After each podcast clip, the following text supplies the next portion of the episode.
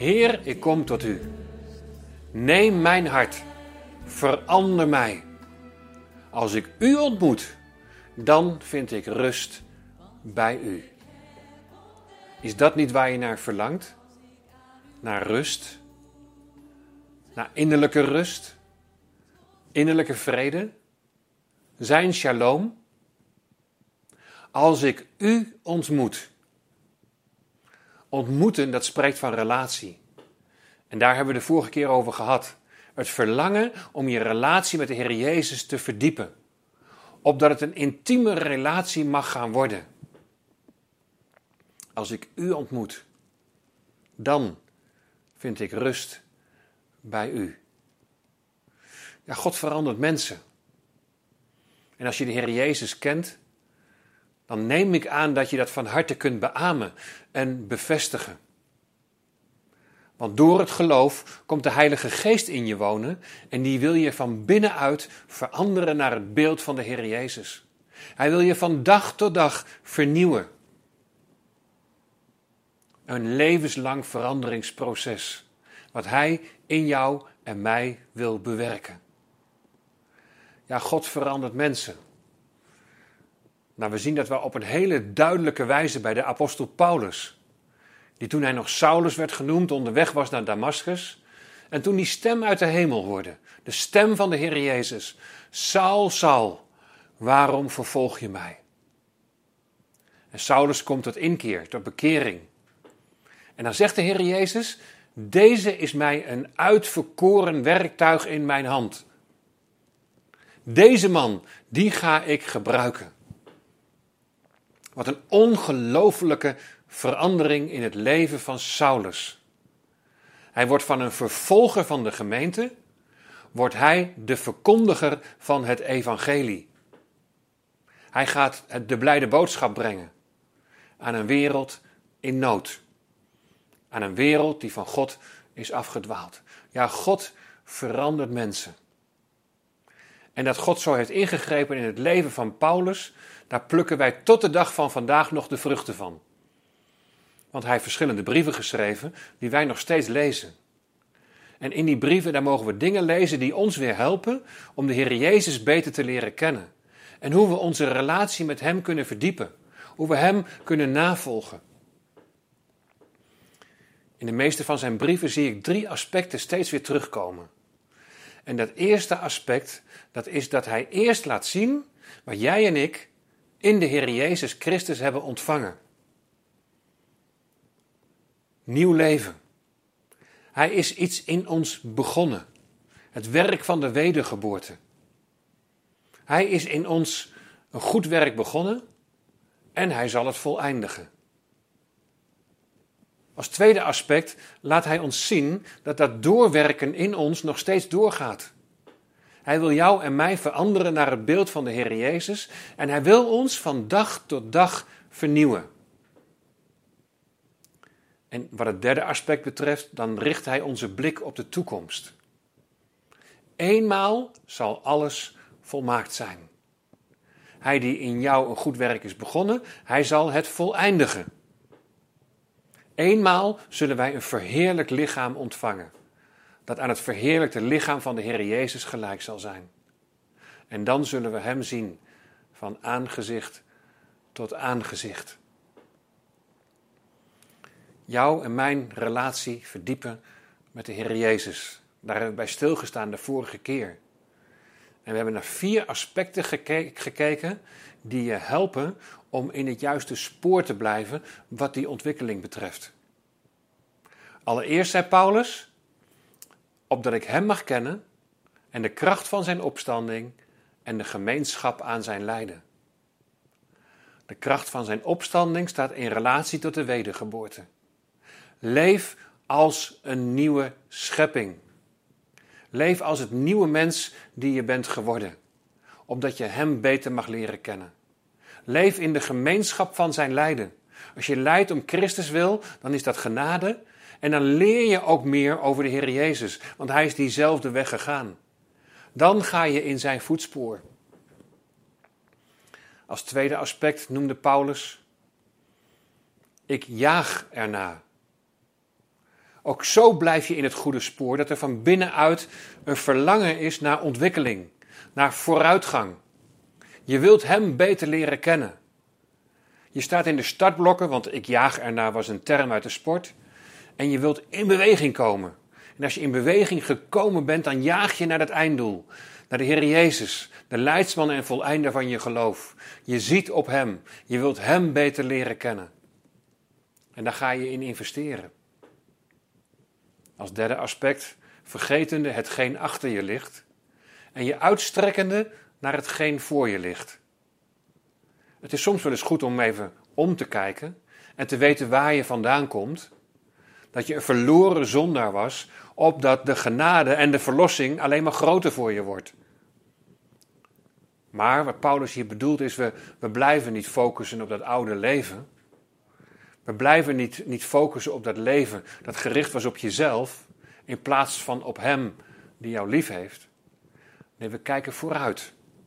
We willen leven vanuit de kracht van Zijn opstanding. We willen leven met Hem.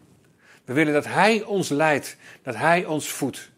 Dat Hij ons geeft wat we nodig hebben, opdat wij mogen groeien in het kennen van Hem. En het vierde aspect, dat was de discipline. Leef gedisciplineerd als het gaat om het groeien in jouw kennen van Hem. Gedisciplineerd zijn in het lezen van de Bijbel. En neem daar vaste tijden voor. Zoek iets wat bij je past.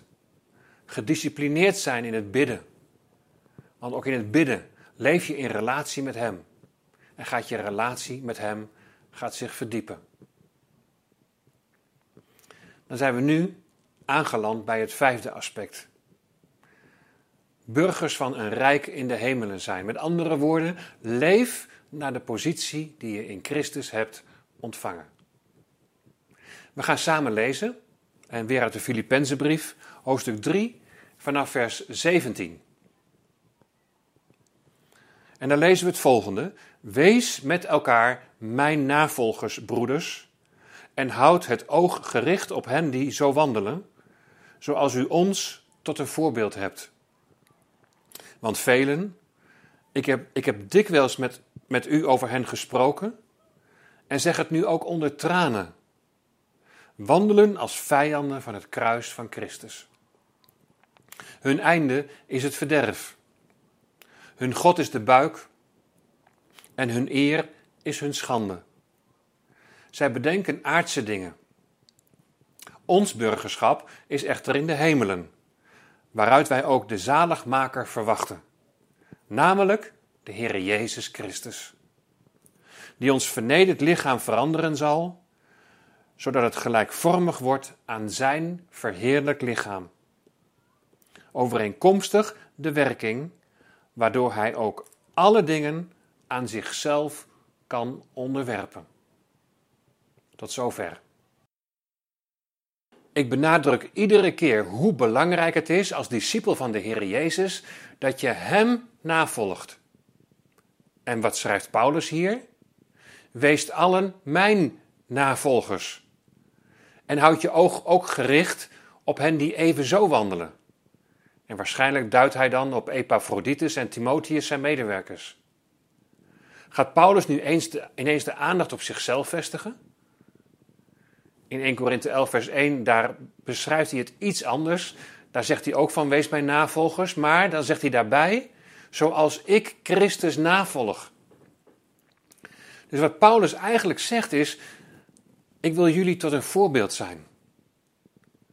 En natuurlijk is het heel belangrijk dat wij voorbeelden hebben, rolmodellen. Dat wij zien hoe mensen met de Heer Jezus wandelen, opdat wij ook in datzelfde voetspoor kunnen gaan. Maar is het belangrijk dat wij ook zelf voorbeelden zijn naar mensen om ons heen.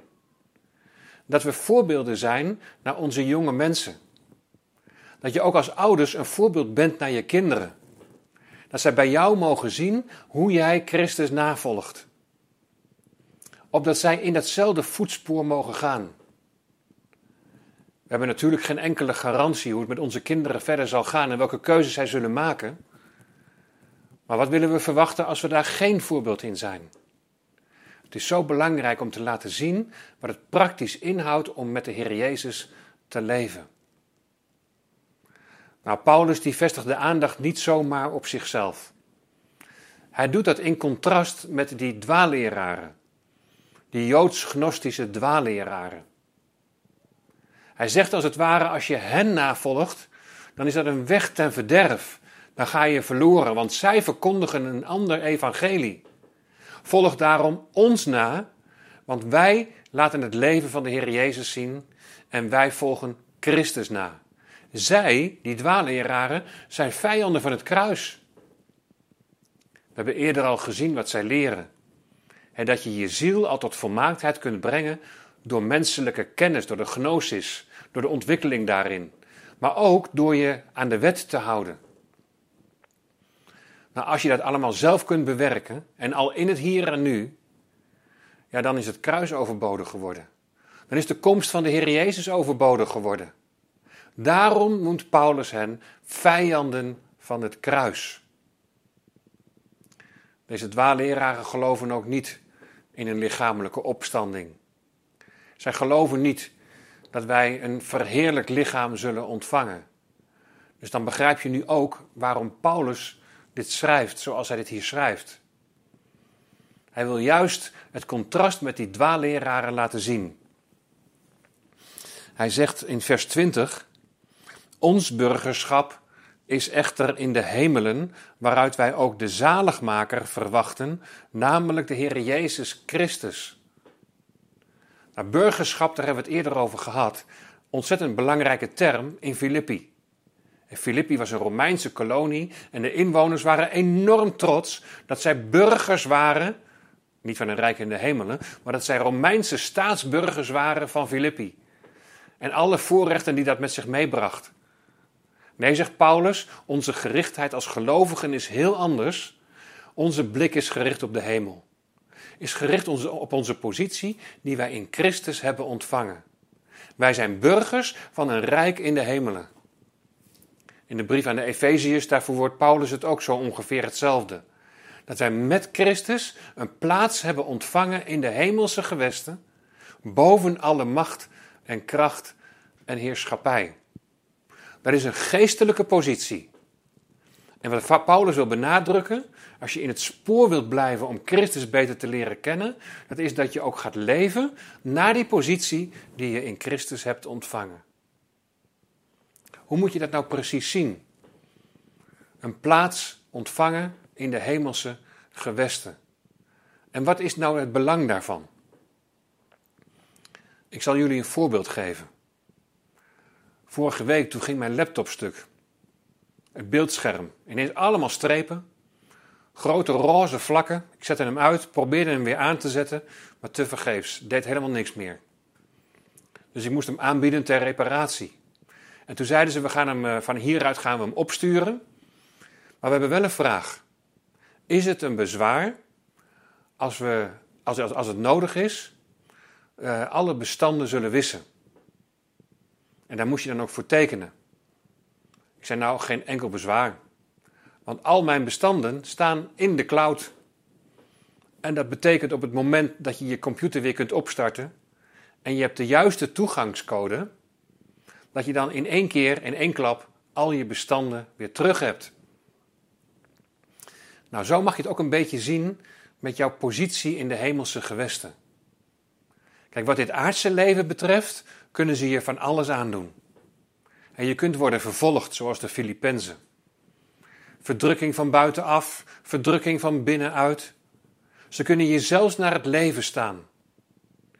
Dat er eigenlijk niks meer overblijft. En zoals alle bestanden die dan gewist worden.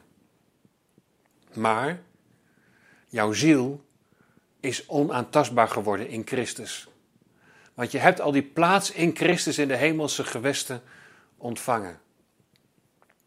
En als je maar de juiste toegangscode hebt, dan ontvang je eeuwig leven. En die toegangscode is Jezus Christus. Hij is immers jouw gerechtigheid. Hij heeft jou bevrijd, hij heeft jou verlost. En hij heeft zijn geest gegeven als een onderpand, opdat we straks bij de Heer zullen zijn. Wij zijn burgers geworden van een rijk in de hemelen. Waaruit wij ook de zaligmaker verwachten, namelijk de Heer Jezus Christus. Voor zaligmaker, redder, verlosser staat het Griekse woordje soter.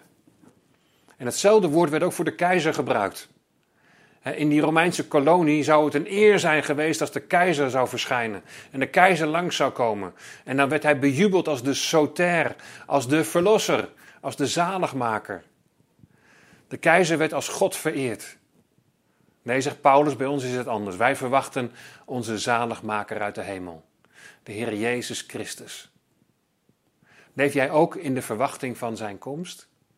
Zie je ook uit om hem te ontmoeten? Hij die jou heeft gered. Hij die jou onvoorwaardelijk lief heeft. En dan komen we bij dat derde aspect wat je steeds weer in Paulus' brieven terugleest. En het is aspect van het gericht zijn op die volmaakte toekomst.